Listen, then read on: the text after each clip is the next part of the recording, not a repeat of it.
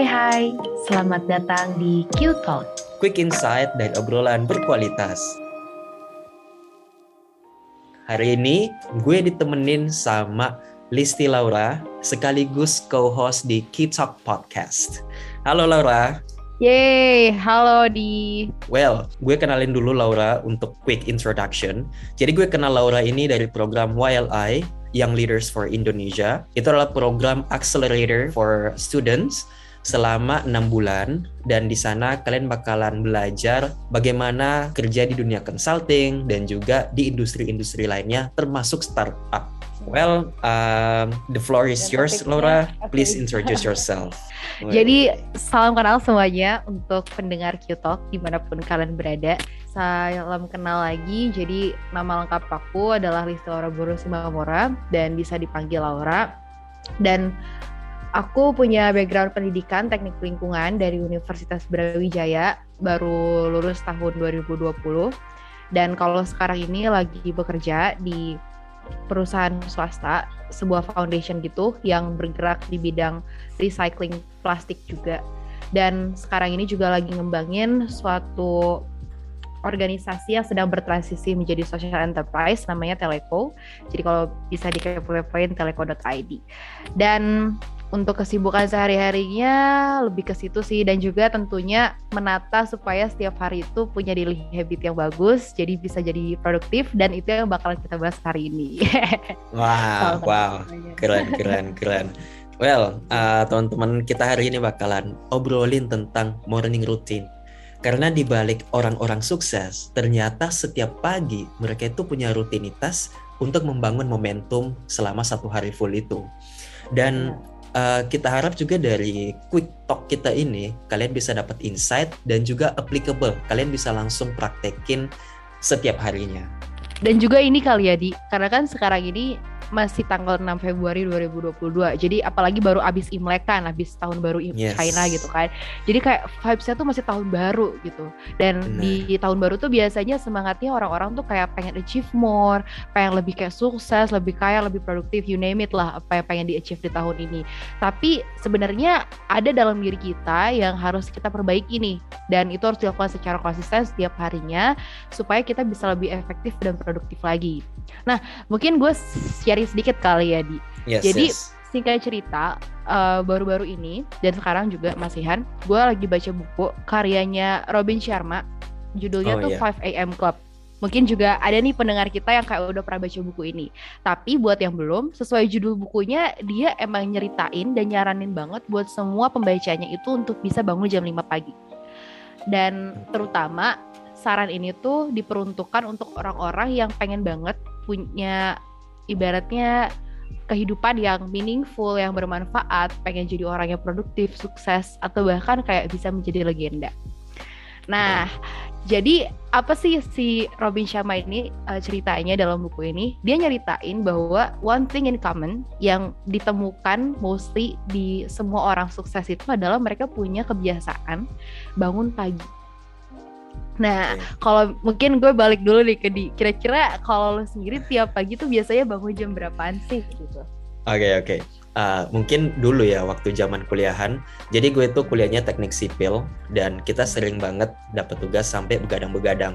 Nah, jadi kalau dulu masih zaman kuliahan gue tuh bangun jam 9 jam 10 karena tidurnya nanti jam 4 atau jam 5. Yeah, yeah. Seriously, bahkan pernah rekor sampai 2 3 hari kita nggak nggak tidur, karena ngerjain tugas ya tugas. nah uh, tapi semenjak selesai kuliah tahun 2020 akhir gue coba ngurangin lagi tuh habit yang tidurnya nggak teratur dan gue sekarang lagi ngejalanin habit sleep early and then wake up earlier karena kadang early-nya tuh jam berapa tuh earliernya kadang jam 4 gue udah bangun setengah 4 kadang udah bangun.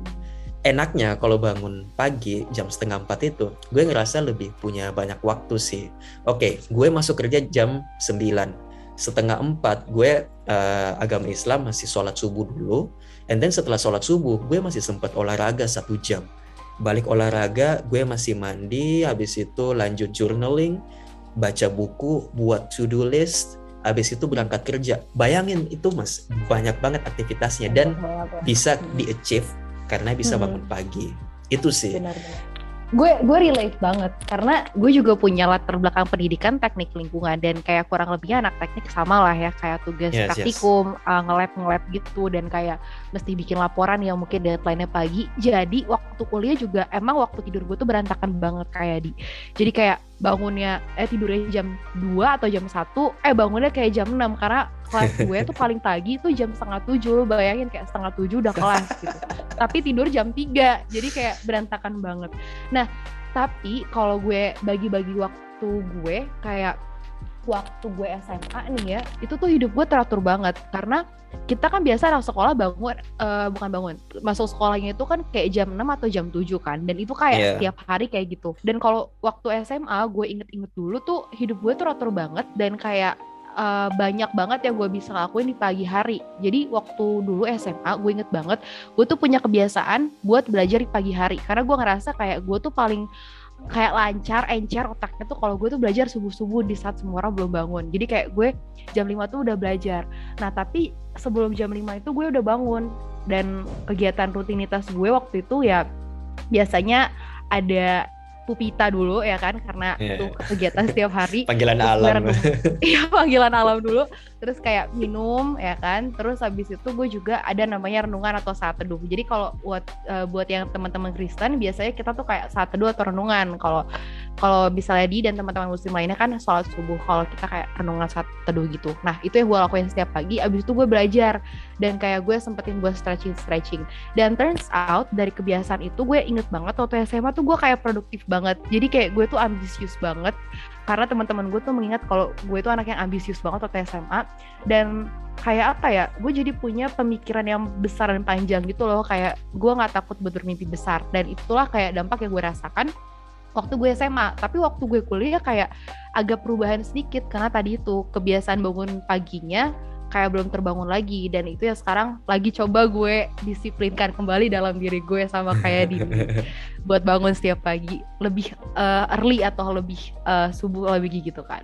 Nah mungkin kayak banyak nih di teman-teman kita atau mungkin dulu kita gitu kan yang melebeli dirinya I'm not a morning person gitu kan ya kan kayak udah iya, langsung yeah, yeah. udah langsung alergi gitu kalau dengar kata morning person gitu tapi dalam buku ini si Rabi Shama itu bilang kayak di saat kita bangun pagi ada tiga hal yang bakalan kita peroleh terutama jam 5 okay. ya yaitu ketenangan kesendirian dan kesunyian jadi kalau kita bayangin tuh di saat subuh-subuh itu kan kayak mostly orang masih tidur ya. Jadi kayak yes, bener-bener yes. sunyi banget, bener-bener kayak kita sendiri banget dan kita juga biasanya lebih tenang, kayak bisa ngirup udara lebih segar ya kan. Karena waktu dulu gue SMA tinggal di Jakarta, jadi kerasa banget nih perbedaan antara gue bangun jam 5 sama bangun jam 6 atau jam 7. Kayak apa ya, suasana paginya tuh lebih segar gitu udara ya dibanding kalau waktu udah banyak polusi. Jadi tiga hal itu tuh yang bisa didapetin banget kalau kita bangun pagi. Nah, tadi pagi, tadi pagi banget, kan gue bangunnya kayak jam 6 jam setengah tujuh gitu kan. Dan gue kayak berusaha melakukan rutinitas yang gue lakukan di pagi hari. Kayak tadi yang itu, um, ya you say it, kayak pupita, terus kayak minum, terus kayak renungan dan uh, journaling juga gue dan bikin to-do list. Cuman gue ngejalanin itu tuh dengan lebih tidak tenang dibandingkan kalau gue melakukan itu di jam 5 pagi. Karena kenapa? Kayak kalau di kita bangun di waktu yang lebih siang lagi dibanding kayak jam 5 pagi, kayak jam 6 atau jam 7 tuh biasanya orang udah bangun kan. Kayak mungkin karena gue punya anjing, anjing gue udah berisik. Terus karena gue tinggal sama orang tua gue juga orang tua gue udah mulai kayak mungkin nyuruh gue ini, nyuruh gue itu dan akhirnya kayak fokus kita kebagi gitu, kepecah kan.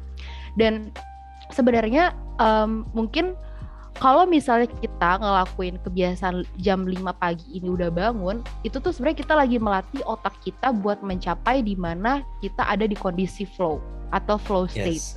Jadi mungkin uh, dia bisa nggak ceritain sedikit nih definisi dari flow state. Oke, okay.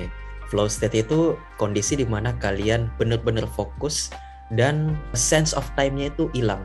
Nah, gue bisa ceritain ini di contohnya kalau basket di basket itu ada namanya in the zone. In the zone itu posisi pemain lagi fokus banget, lagi apa ya? Mereka mau nge-shoot dari mana aja itu bisa masuk karena udah flow state dan mereka bisa maksimalin skill mereka pas lagi flow state itu. Dan untuk mencapai flow state itu uh, agak tricky sih tiap orang beda-beda metodenya dan kalau misalnya nih lagi sementara flow state gue pernah ngalamin sih Laura sementara flow state terus ke distract mau balik lagi ke flow state tuh susah banget. Susah ya? dan wah dan itu kacau seharian kacau seharian. Jadi kayak apa ya ibaratnya kalau mungkin bagi kebanyakan orang itu nyebutnya bangunin mood ya kan bangunin mood. Nah yes. mungkin bangunin mood buat produktif itu tuh yang susah dan kebiasaan bangun jam 5 pagi itu yang nge-push banget kita buat bisa ngebangun state flow itu nah pertanyaannya nih, oke okay, kita mesti bangun pagi, misalnya jam 5 gitu kan, atau mungkin kayak buat teman-teman yang muslim sholat subuh, sholat subuh jam berapa sih di biasanya? Sholat subuh biasanya setengah lima atau jam 5 abis misalnya kayak abis sholat subuh tuh mestinya kita ngapain? Atau kayak waktu kita punya kebiasaan bangun subuh tuh kita mestinya ngapain? Nah kalau dari di tadi uh, mungkin udah sharing sedikit ya kayak bisa sholat subuh dulu terus bisa olahraga dulu dan yes. journaling ya kan dan itu merupakan hal-hal yang baik jadi kalau balik lagi ke buku ini ada katanya tuh empat internal empires nih di jadi empat internal okay. empires ini adalah empat kerajaan batin yang kalau kita pupuk alias kita kasih makan setiap harinya itu tuh benar-benar bisa ngebangun kita jadi seorang pribadi yang kuat. Empat internal empires itu tuh apa aja? Pertama, kalau yang paling kita sering dengar adalah mindset. Nah, mindset yes. itu termasuk ke dalam satu dari empat itu. Abis ada mindset, ada heart set, terus ada health set dan ada satu lagi soul set. Kita bahas satu-satu. Wow. Gue baru denger sih. Biasanya dengernya mindset doang. mindset doang ya. Gue yeah, juga yeah. deh, ini insightful banget menurut gue. Pertama mindset. Jadi kita tahu lah ya kalau misalnya kayak kita butuh berpikir positif, kita butuh memperbanyak ilmu kita. Menurut gue kita udah jagolah untuk bisa meningkatkan mindset kita, ya kan? Jangan cara kita belajar atau mungkin kita dengerin podcast-podcast yang bermanfaat dan berguna dan edukatif juga itu kayak Kiyotoki nih, itu juga udah bagus untuk bisa meningkatkan mindset kita ya kan. Nah, tapi yang kedua ini hard set. Jadi hardset ini tuh berkaitan erat sama kondisi emosional. Nah, emosi kita itu sebenarnya ada yang positif kan, ada yang negatif juga. Negatif ini tuh contohnya kayak kekecewaan, kemarahan, kesedihan, dan kayak sedih, uh, ya kesedihan itu, itu adalah emosi-emosi negatif yang kalau misalnya terus-menerus kita kasih makan, itu bisa jadi draining buat kita dan kayak menghambat kita buat jadi produktif. Nah, tapi yang jadi kunci yang harus bisa kita lakukan setiap harinya untuk ngasih makan emosi positif kita itu ada dua cara di paling gampang. Gimana tuh? Pertama, kita belajar untuk mengampuni. Jadi kayak setiap hal negatif, entah itu kata-kata atau perilaku yang orang lakukan ke kita, dengan cara kita melepaskan maaf atau melepaskan pengampunan itu tuh kita kayak nge-erase seluruh emosi negatif yang ada di perasaan kita itu loh. Jadi kayak dengan kita udah melakukan pengampunan itu atau memaafkan, kita kayak berdamai sama emosi-emosi negatif yang udah dibuat sama orang lain atau kita lakukan dalam diri kita sendiri. Kayak karena kan kadang kita bukan hanya perlu memaafkan orang lain ya tapi kita juga kadang perlu memaafkan diri kita sendiri kan. Kayak mungkin kita nggak achieve true, sesuatu true. kita nggak ngelakuin sesuatu.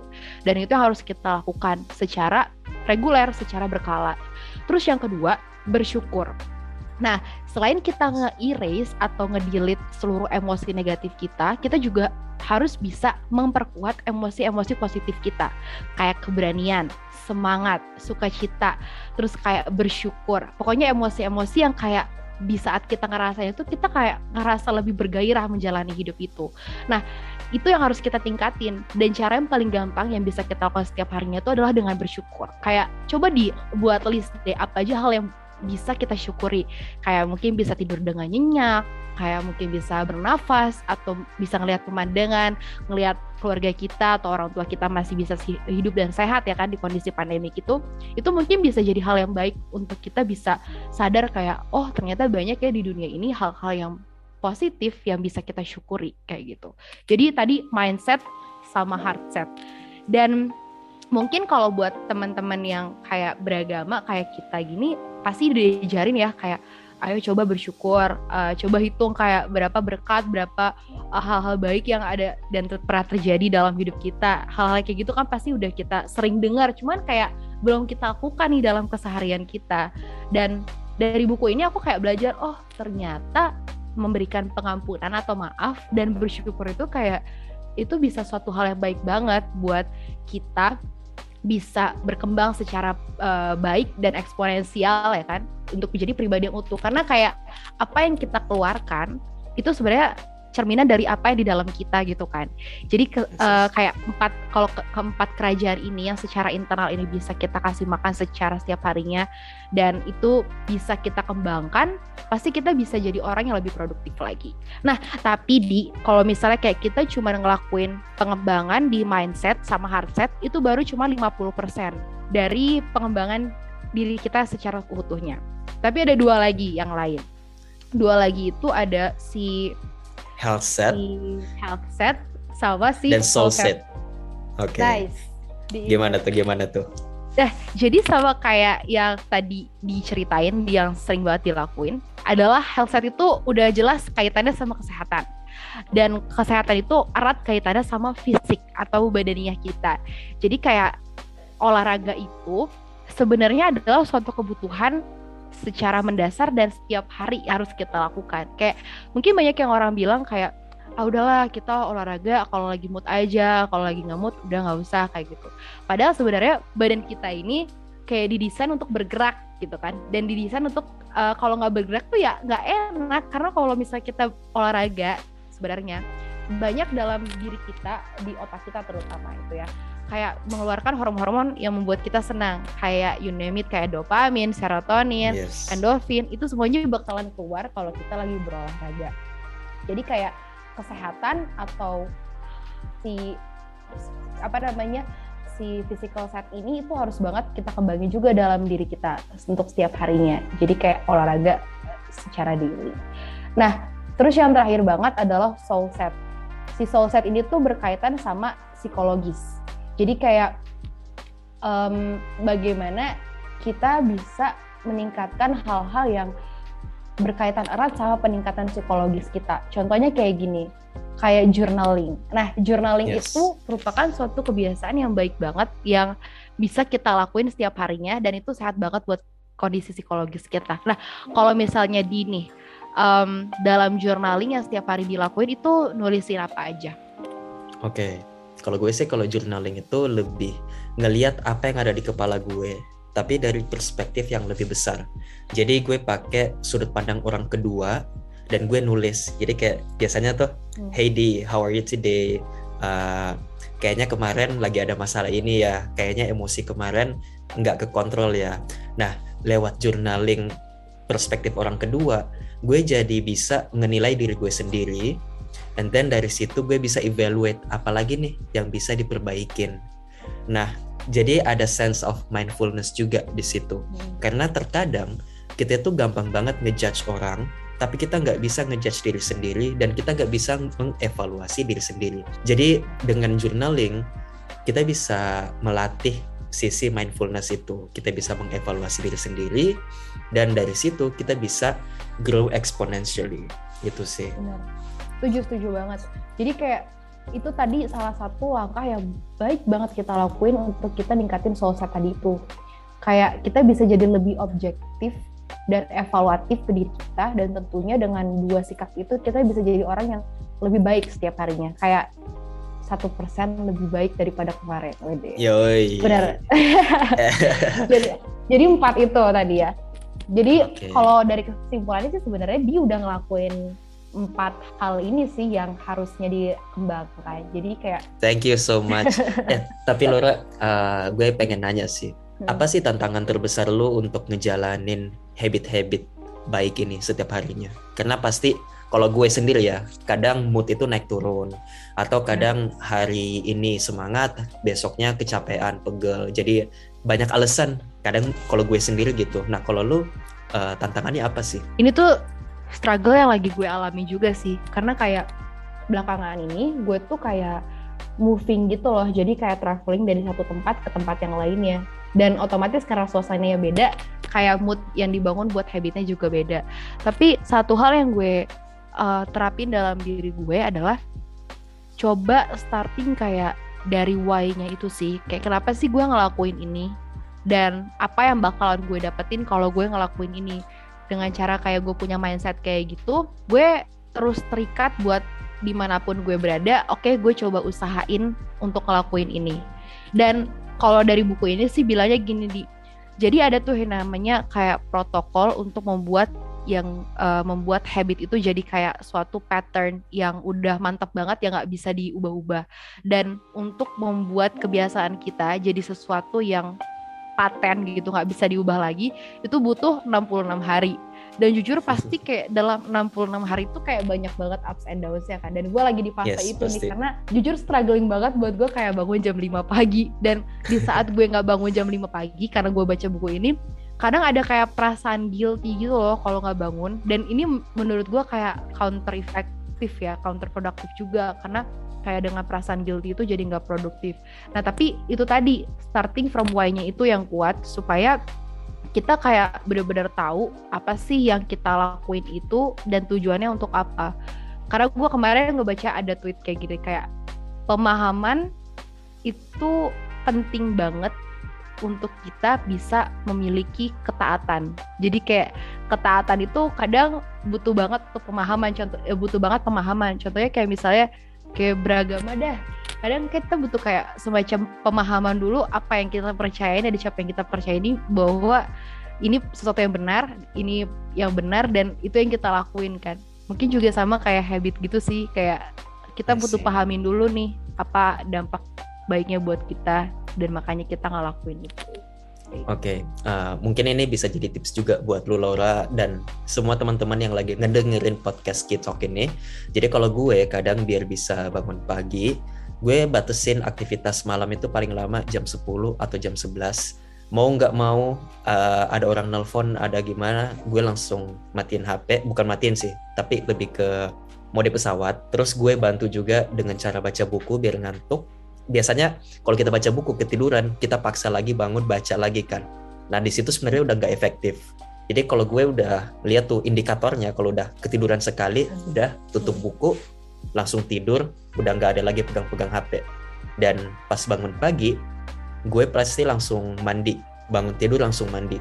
Biar nggak goler-goleran lagi. Soalnya kalau hmm. nggak hmm. mandi pasti habis sholat subuh masih balik ke kasur ngecek HP eh ketiduran. Ya udah susah terus terus kalau kayak kondisi kamar lu kayak ngeset gitu nggak? Gimana supaya kondisi kamarnya lebih enak buat tidur? Atau mungkin sebelum lu baca buku itu ada yang lu set gitu nggak di kamarnya? Yes yes yes. Uh, kalau gue biasanya uh, sebelum tidur pasti gue bersihin tempat tidur gue terus mandi. Mandi biar seger. Uh, ini sebenarnya lebih ke apa ya nipuin otak seakan-akan oke okay, gue sekarang udah bersih, udah seger, siap istirahat dan besok siap langsung aktivitas lagi. Gitu sih gue hmm. trick my brain. I see, I see. Ada juga yang bilang tipsnya kayak gini di. Jadi kayak prepare untuk apa yang mau kita lakuin besoknya di malam hari. Jadi kayak yes. buat ngajak diri kita untuk lebih ready nih buat besok. Kayak contohnya waktu sekolah dulu, gue inget banget kebiasaan gue adalah pertama nyiapin seragam, kedua nyiapin buku. Jadi masukin ke dalam tas gitu, ya kan? Lo juga nggak yes, kayak yes. gitu? Sama sama sama.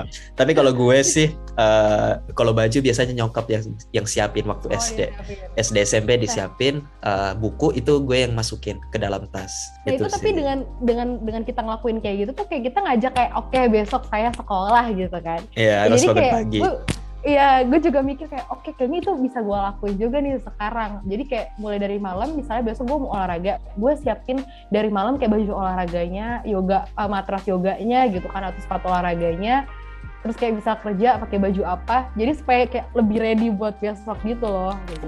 Yes, dan ini juga sih, kadang kalau kita ada hmm. janjian sama temen ya, hmm. even itu weekend, tapi kalau udah janjian jam 7 atau jam 8, pasti kebangunnya lebih cepat dari jam itu biasanya ya, kebangunnya bener. jam 6 atau jam 5 pasti gitu. Jadi uh, kadang gue juga ngetrik otaknya gitu.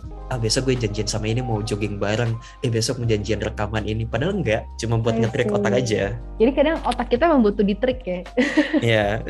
Iya iya bener-bener kayak dia ngelakuin. Iya bener tapi bener saran lo yang kayak lo bilang tadi abis bangun harus bangun itu bener-bener ngaruh sih. Karena kalau kayak kita bangun tidur nih. Terus kayak kita udah bangun sebenarnya tapi waktu kita ngeliat kayak kok dingin ya kok selimutnya hangat ya. Terus ditarik lagi tahu-tahu bangunnya Wah, satu jam kemudian. Nggak ada soalnya ceritanya kita tidur lagi lima menit doang tuh nggak ada. Nggak ada. Kayak satu pasti jam. di atas satu jam. Kayak, minimal satu jam. karena siklus siklus tidur tuh tuh at least satu jam gitu. Jadi kayak nggak lo bohong. Kalau lo bilang lima menit lagi tuh lo bohong.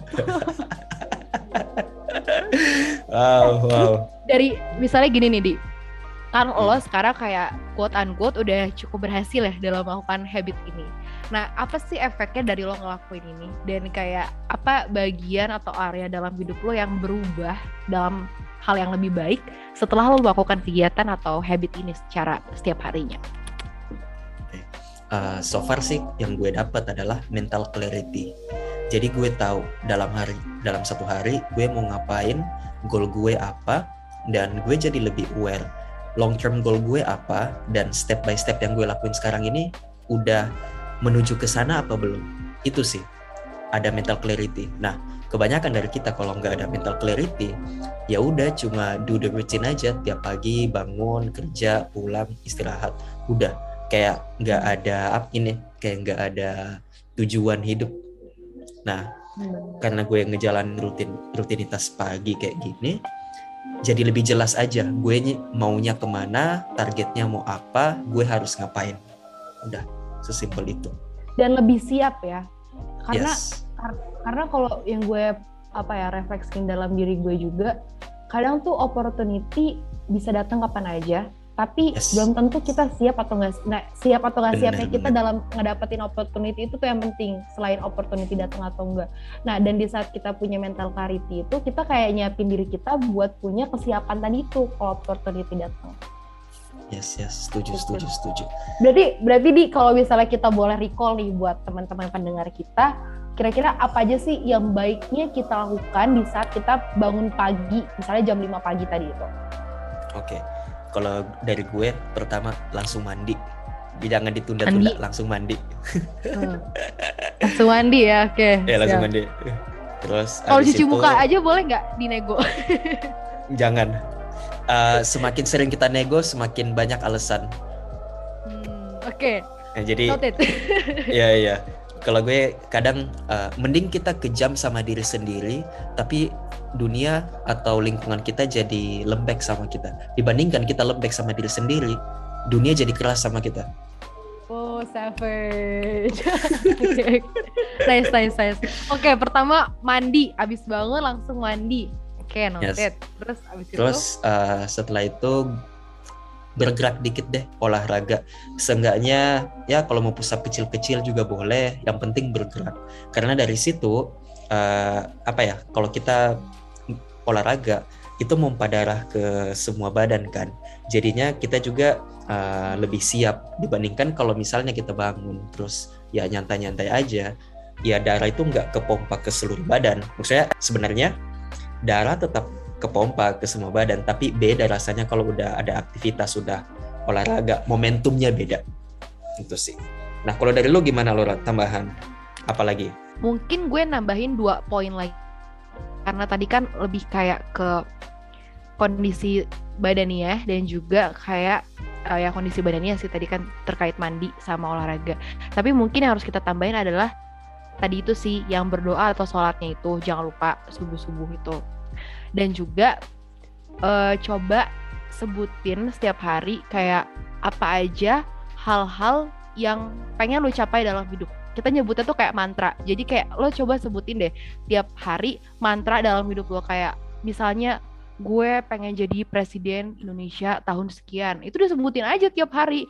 Kayak lo bayangkan lo visualisasikan diri lo untuk mencapai itu. Dan itu kayak um, bagus banget untuk dilakuin. Dan juga jangan lupa bersyukur. Dan selain itu journaling itu sih tadi yang kayak uh, lu dan gue lakukan. Journaling itu juga penting banget. Dan dari proses journaling itu lu bisa punya sikap yang lebih objektif dan lebih evaluatif sama diri lu. Dan dari situ juga kayak lo bisa nge-mapping nih dari hari ini bakal ngelakuin apa aja apa aja gitu. Karena gue setiap hari tuh selain gue journaling gue juga nulis to do list gitu sih. Jadi kayak gue ngelis gitu apa aja yang mau gue lakuin setiap harinya dan di saat gue udah ngelakuin itu gue kayak coret atau gue warnain kayak gitu. Jadi itu tadi. Okay. jangan lupa disyukurin setiap harinya dan disebutin apa aja yang kayak pengen lu capai dalam hidup. Terus juga jangan lupa journaling dan buat to do list kalau bisa gitu. Wow, wow. Semoga tips dari kita bisa applicable buat teman-teman semua. Ya, ini semuanya applicable Benar. dan kalian bisa mulai lakuin besok atau hari ini kalau ya. kalian dengernya pagi kalian bisa langsung cobain deh dan rasain bedanya Benar. at least 30 hari ke depan. Nanti mungkin bisa share-share juga nih ke kita kalau misalnya udah kayak ngerasain dampaknya kayak ini benar gak sih atau kayak cuman kayak ngikut-ngikutin tren doang padahal itu nggak bermakna dan bermanfaat buat kalian. Nanti bisa share-share juga kali ya di kita. Boleh, boleh, boleh. Uh, soon kita bakalan buat Instagram juga buat Kitalk Podcast. Jadi di sana hmm. bisa lebih dapat uh, banyak insight juga ya lebih interaktif dan kita bisa mungkin teman-teman ada yang bisa kita undang juga ke sini buat ngobrol-ngobrol bareng kita di Kids Talk Podcast. Dan juga ini sih rencananya ke depannya kita juga bakalan kayak ngobrol sama orang-orang yang cukup berdampak dan bermanfaat bagi sekitarnya dan kita bakalan menelusuri gimana sih kebiasaan mereka di pagi hari. Jadi kita okay. bisa ngebuktiin nih kayak successful people emang bener ya ngelakuin kayak daily rutin yang dimulai dari pagi yang pagi banget itu kayak gitu. Oke, okay. wow, wow, keren ya. Um, we are so excited buat podcastnya nanti dan semoga yang kita lakuin ini bisa bermanfaat buat kalian karena tujuannya kita adalah di sini sebagai bridging the gap antara kalau kita di sini kalau sama Laura kita punya akses ke orang-orang ini terus kita juga lumayan punya pengalaman ikut program-program, jadinya kita mau give back ke kalian. Karena Betul. kita berdua juga sadar nggak semua orang uh, bisa merasakan apa yang kita rasain sebelumnya. Jadi at least kita jadi perantara lah. Betul, betul banget. Jadi uh, mungkin kita mau ngucapin terima kasih kali ya buat teman-teman mau dengerin yes. podcast kita. Dan sorry-sorry juga kalau misalnya ada kesalahan-kesalahan dalam berkata-kata, tapi semoga itu tidak mengurangi manfaat yang teman-teman dapatkan dari Kitalk kita. Yay! Oke, okay. sampai jumpa di Kitalk Podcast berikutnya, Quick Insight dari obrolan berkualitas. See you and thank you. thank you